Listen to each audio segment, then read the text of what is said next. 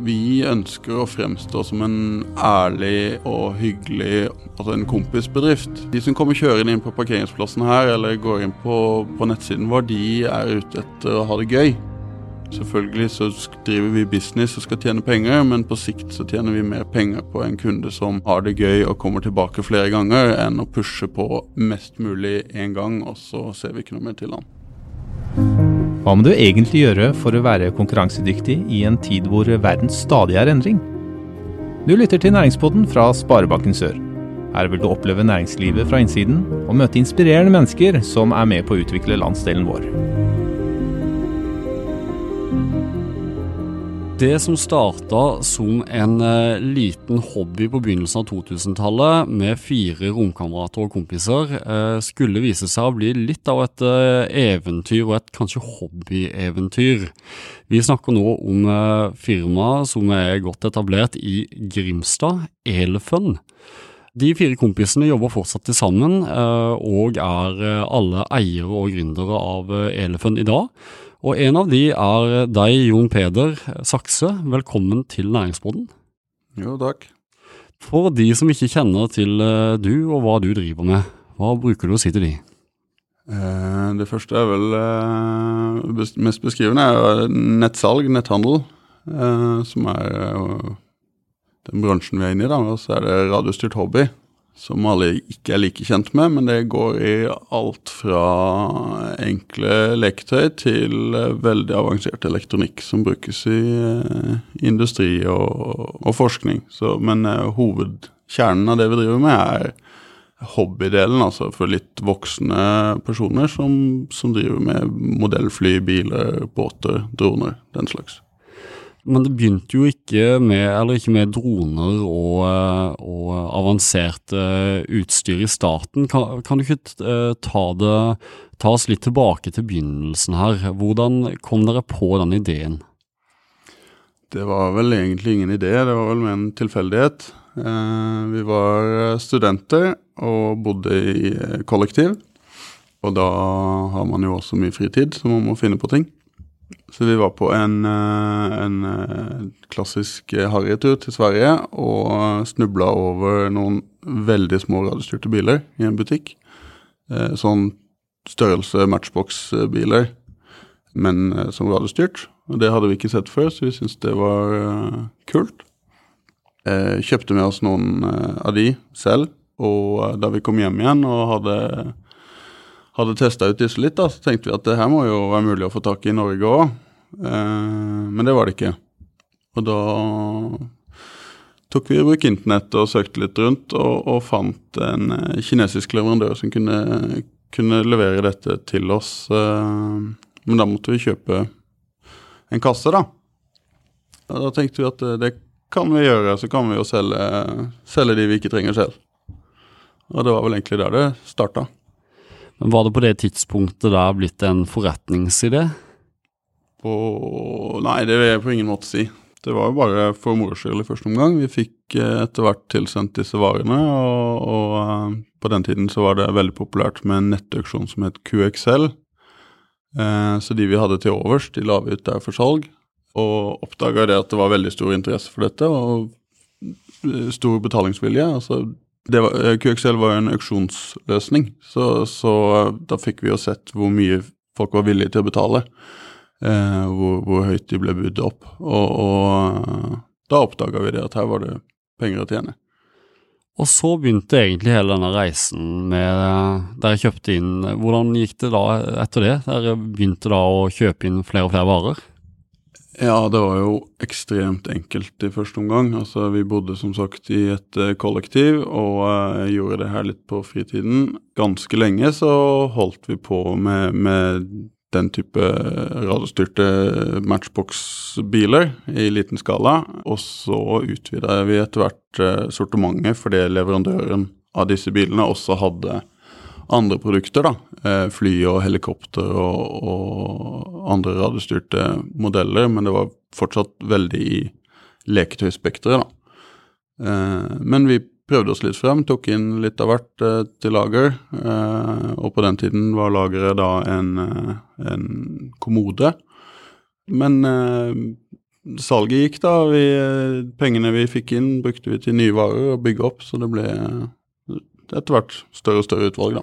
Ja, for den kommoden den har jo utvida seg betraktelig, kan man vel kanskje si, de siste 17 åra.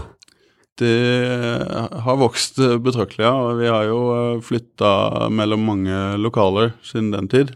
Eh, nå har vi etter hvert fått eh, bygd vårt eget bygg og fått ordna oss et ganske stort lager, men, eh, men, det var en eksplosiv vekst i starten hvor det først var kommode, og så var det bod, og så var det hele stua i kollektivet. Og så måtte vi etter hvert finne et butikklokale, da. Da var vi heldige først og fikk ordna et butikklokale med leiligheter over, som, som tre av oss fire eiere bodde i, da. Så det var fortsatt ganske sammenfiltra med fritid og arbeidstid. Men så har det utvikla seg videre og blitt mer profesjonelt og mer ordentlig, da. Så, eh, så vi fikk oss jo eh, større lager og separa, fikk separert eh, arbeidsliv og fritid og, og ble litt mer A4 etter hvert. Men til de som ikke har sett Elefun, lokalene deres her i Grimstad, hvor, hvor stort lager snakker vi om nå? Bygget er på ca. 2000 kvadrat. Uh, og Da består det også en, eh, en 300 kvadrats butikk, da. Men uh, hoveddelen av bygget er lager. Så noe større enn en kommode der, altså? Det, ja, betydelig større, og det begynner å bli fullt her også. Det gjør det, ja. Men dere har noen ekstra kvadratmeter bak her, er det ikke sånn jeg har lest? Jo, da vi skulle bygge, så lette vi mye etter tomt og Altså, det er jo alltid et spørsmål med beliggenhet. Eh, vi fant til slutt en tomt vi var veldig fornøyd med, og, og det, her er det sånn at eh, vi også har mulighet til å utvide bygget vårt ganske betraktelig hvis det blir behov for det. da.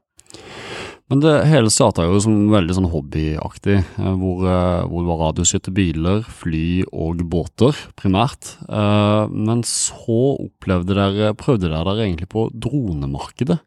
Kan du ikke fortelle litt om hva dere opplevde da? Jo, altså det var jo en naturlig utvikling det òg. For det, altså, vi har jo prøvd å dekke alt av det man kan kalle radiostyrt hobby.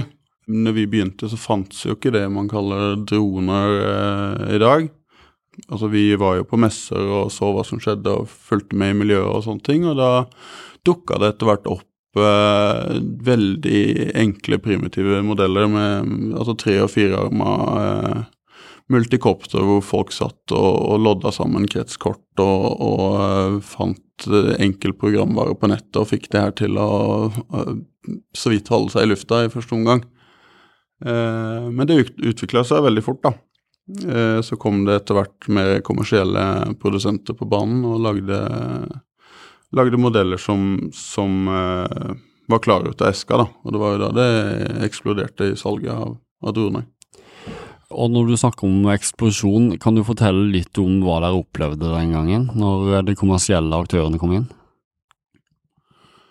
Ja, altså Vi kom jo litt inn i en annen type bransje enn det vi har vært vant til. For det vi driver med er jo en nisje, ganske smalt, og eh, noe som ikke opptar eh, de store kjedene i særlig grad. Men når disse kameradronene kom, som på, plutselig var noe som alle ville ha, eh, så var jo det også noe som ble interessant for, for store butikkjeder og det kommersielle markedet.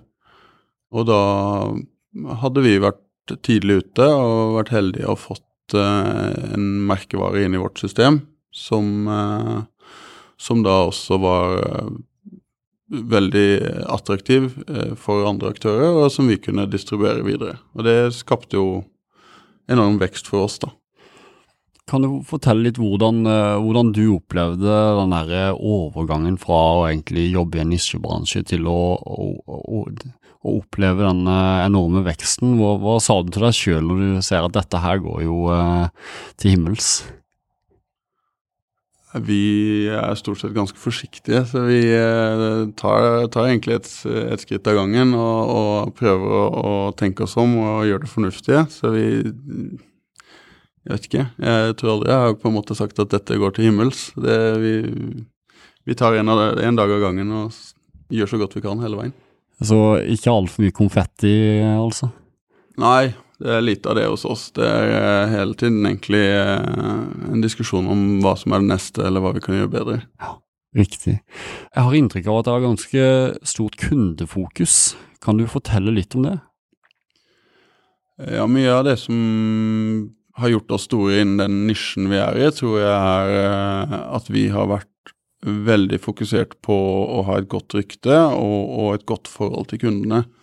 Eh, varene vi selger, er produkter hvor du gjerne skal ha reservedeler, batterier, ladere, diverse produkter i etterkant, så kundene kommer om og om igjen. Men det gjør de kun hvis de er fornøyde. Så, så, vi prøver, altså skal vi selge en vare, så prøver vi å være så ærlige som mulig mot kunden. Vi pusher ikke på og skal selge det dyreste og, og, og råeste hvis vi vet at det er ikke det kunden trenger. Vi prøver å finne det kunden blir fornøyd med, og så kan han utvikle seg og heller komme tilbake og kjøpe noe mer eh, noe større eller mer avansert etter hvert hvis han føler for det. Men det viktigste for oss er at kunden er fornøyd. Og det gjelder jo også i etterkant. Hvis det er problemer, reklamasjoner og sånne ting, så, så har vi et veldig høyt fokus på at uh, at kunden skal være fornøyd med den eh, kommunikasjonen han har med oss, og det produktet han har kjøpt av oss, og eh, det får vi igjen for pga. ryktet og Jungeltelegrafen og anbefalinger internt i klubber osv. Det, det tror jeg har vært veldig viktig for eh, vår oppbygging og spredning i markedet, at vi har, har hatt fornøyde kunder hele veien. da. Er det liksom en del av markedsføringsstrategien deres, eller?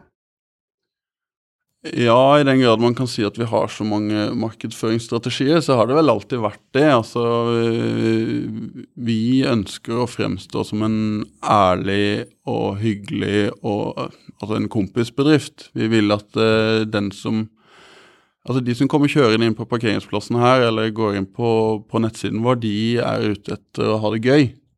Uh, og vi vil hjelpe de å ha det gøy. Selvfølgelig så driver vi business og skal tjene penger, men på sikt så tjener vi mer penger på en kunde som, som har det gøy og kommer tilbake flere ganger, enn å pushe på mest mulig én gang, og så ser vi ikke noe mer til han.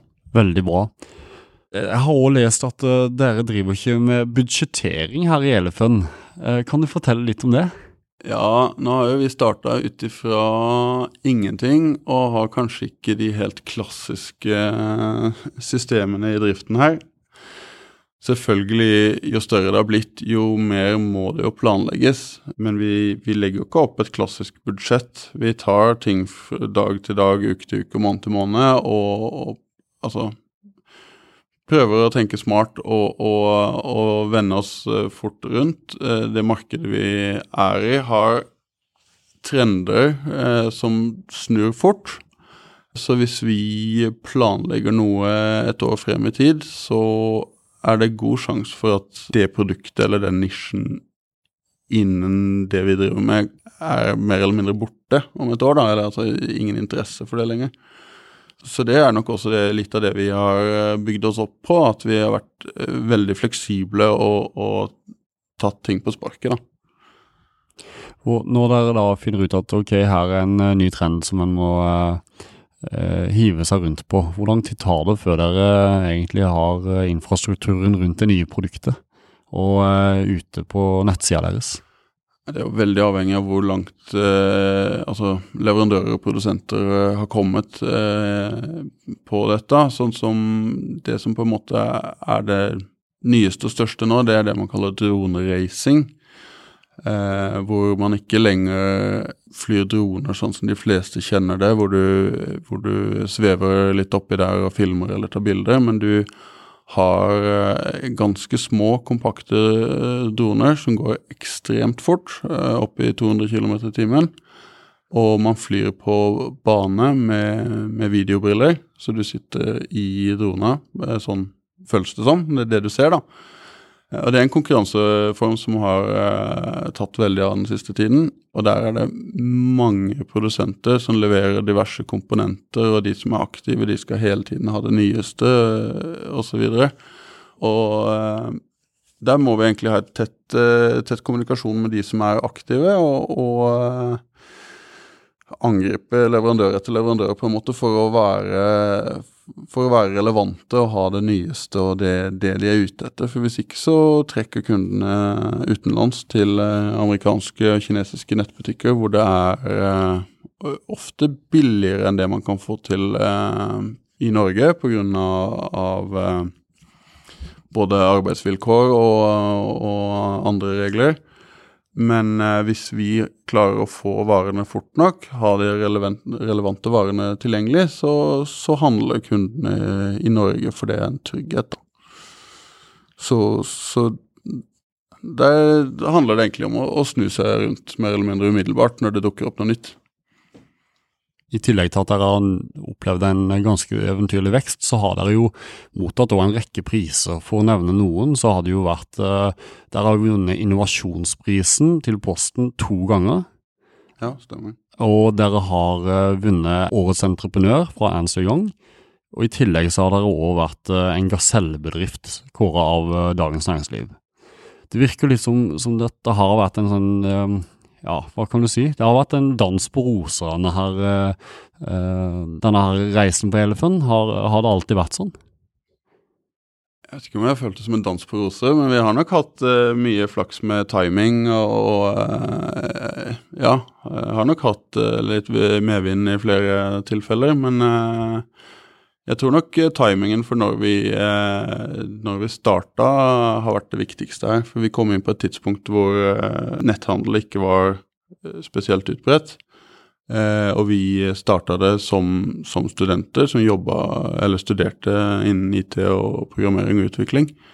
Så vi eh, hadde kapasitet til å, å, å skape eh, nettbutikk og, og, digitale løsninger selv som vi kunne bygge på.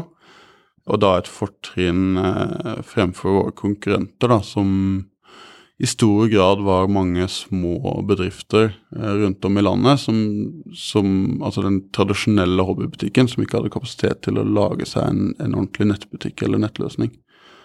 Eh, så selv om ikke det høres så lenge siden ut, i 2003, så var netthandel ganske smått på den tiden. Og det var eh, ganske stort at vi kom da med en fungerende, eh, velfungerende nettbutikk som leverte kjapt, og hvor vi hadde et bredt utvalg sammenligna med de tradisjonelle butikkene som fantes rundt forbi. da.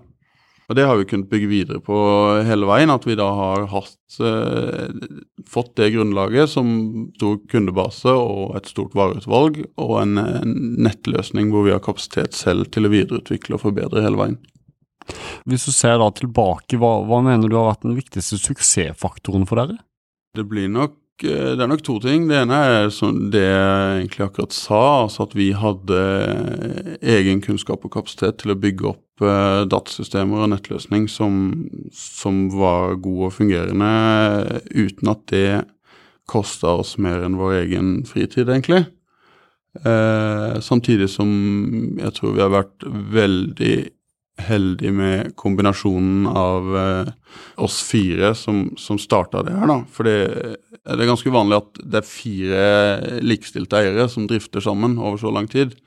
Det har egentlig fungert ekstremt bra. Det har aldri vært noen store konflikter eller store problemer. Eh, og suksessen ved det er vel det at vi har utfylt hverandre veldig bra. Altså om det er tilfeldig eller om vi har tilpassa oss etter hvert, det, er ikke så godt å si. Men, men, vi har liksom tatt våre deler av driften alle, alle mann, og, og, det har blitt en veldig god pakke til sammen.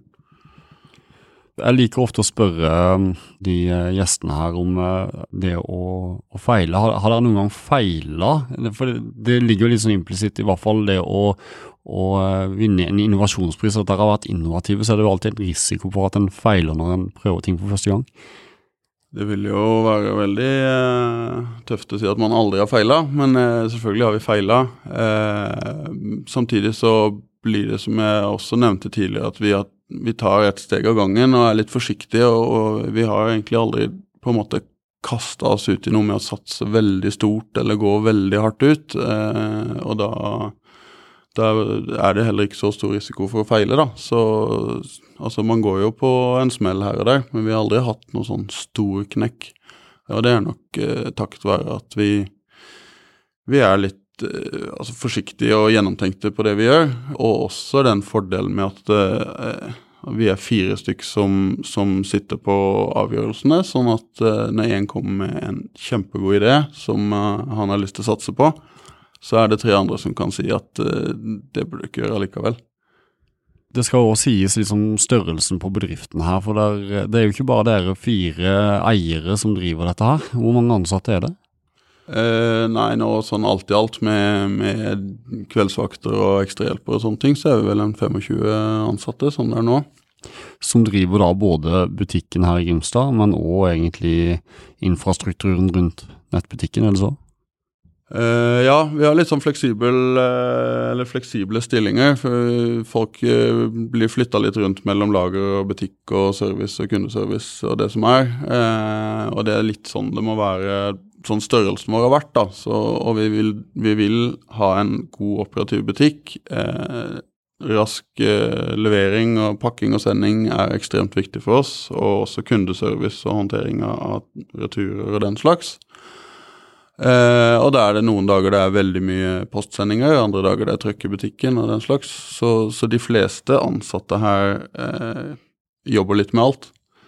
Men uh, jo større vi har blitt, jo mer oppdelt har de forskjellige avdelingene også blitt, da. Men, men vi trenger at alle kan ta et tak der det trengs.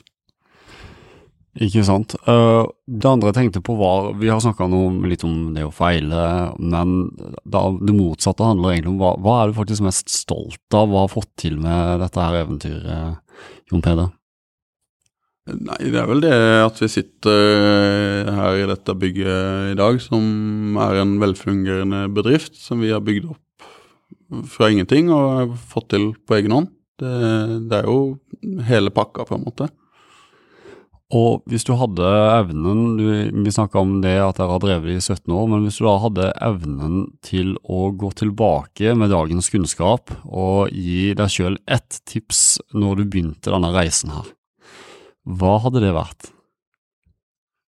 Nei, det ville jo bli litt juks, da, for da kunne man vite akkurat hvilke ting man skulle satse enda hardere på, da, og bli enda større på når det, når det smalt. Og det, altså det som kanskje har gitt vår største vekst noensinne, er jo den eh, dronebølgen, eller altså når det kom, eh, kom ordentlige forbrukerdroner. Eh, og der kunne vi nok vært eh, enda mer på når det kom. Eh, nå har vi snakka litt om fortida og hvordan eh, ting har vært. Eh, det er jo òg sånn at det er forhåpentligvis en fremtid her. og la oss ta frem glasskula. Elefen om fem år, hvor er dere? Nei, vi eh, satser videre. Vi eh, jobber en del med utlandet nå. Det har vi gjort for så vidt en del år, men eh, tar det også et steg av gangen. Eh, har fått eh, ganske god vekst på det svenske markedet etter hvert. Og det er jo Skandinavia i første omgang vi ser på, da. Det er stort, eh, stort vekstpotensial der. Det norske hobbymarkedet er en nisje som er forholdsvis begrensa, da. Så vi kan ikke, kan ikke, vokse uendelig der. Men, eh, men hvis vi satser litt eh, utover landegrensene, så er det store muligheter. Er det sånn at fysiske butikker er aktuelt eh, fremover, eller er det helst nettbutikk og nettsalg? Fysiske butikker har vel blitt nesten mindre aktuelt i det siste. Vi har lekt med tanken i flere omganger. Eh, vi har vår fysiske butikk her i forbindelse med lageret, og den fungerer bra. Men den fungerer også bra fordi at den har hele nettlageret i ryggen. Eh, og, og, og, vi kan sjonglere med ansatte fra, fra, de andre avdelingene her. En frittstående butikk eh, ville vært vanskeligere å drifte økonomisk. Selvfølgelig kunne, altså, kunne vi prøvd, men eh, vi ser i bransjen generelt da, at det blir færre og færre fysiske butikker eh, som driver med det vi gjør, og, og, det er fordi at kundene er spredt over hele landet. Det er en nisje, så, så det er vanskelig å få en stor nok kundebase på, på ett sted. da. Og så er det jo kanskje en vare òg som er ganske håndterlig i posten. Ja, det, det er både òg. Eh, Fortell. Nei, vi selger jo alt fra små skruer, som er veldig håndterlige i posten, men også f.eks. Eh, balsa, som brukes til å bygge modellfly. som du har eh, to ganger to millimeter eh, og én meter lange, som tåler så å si ingenting. Eller flymodeller med vingespenn på oppi fire meter. Så begynner det å bli vanskelig å putte i en vanlig postpakke. Fire meter, ja det er jo nesten som et reelt fly snart. Ja, det er vel eh, halvskala som er de største vi har nå. Riktig. Hva er det dere selger mest av av modell- og hobbymarkedet, da? Det går litt i trender, det også, men eh, nå siste åra så er det ganske tradisjonelle, klassiske radiostyrte biler som det går mest av. Men da varierer det alltid fra altså prisklasse på noen hundrelapper til junior for moro skyld, til eh, de mer eh, altså hobby- eh, og klubbbruken, hvor det er konkurransekjøring og sånn, hvor det er betydelig høyere prisklasse. da. Men når vi først er inne på produkter, så har jeg sett på nettsiden deres at det begynner å selges 3D-printere her. Kan du Ja. ikke fortelle litt om det? Det, det er litt todelt, det òg. For vi har kikka litt på muligheten for å gjøre noe mer enn bare den tradisjonelle radiostyrt hobby-biten. Det er jo et spørsmål skal man drifte det innafor Elefun og potensielt vanne ut eh, vårt navn for det vi egentlig driver med, eller, eller gjøre noe helt annet. Eh, men når vi snubler over 3D-print og 3D-printere, så faller det egentlig veldig innafor det vi gjør, for det er mange som f.eks. lager egne reservedeler eller, eh, eller videreutvikler sine produkter ved hjelp av 3D-printing. da. Samtidig som det også treffer et, et helt annet marked enn det vi har fra før. Så, så det med salg av 3D-printere har vært eh, en, en, stor utvidelse for oss eh, de siste åra. Ja, for Det skal jo legges til at kjøper du et helikopter eller en radiosøt bil i dag, så er jo mange av de komponentene inne der i plast.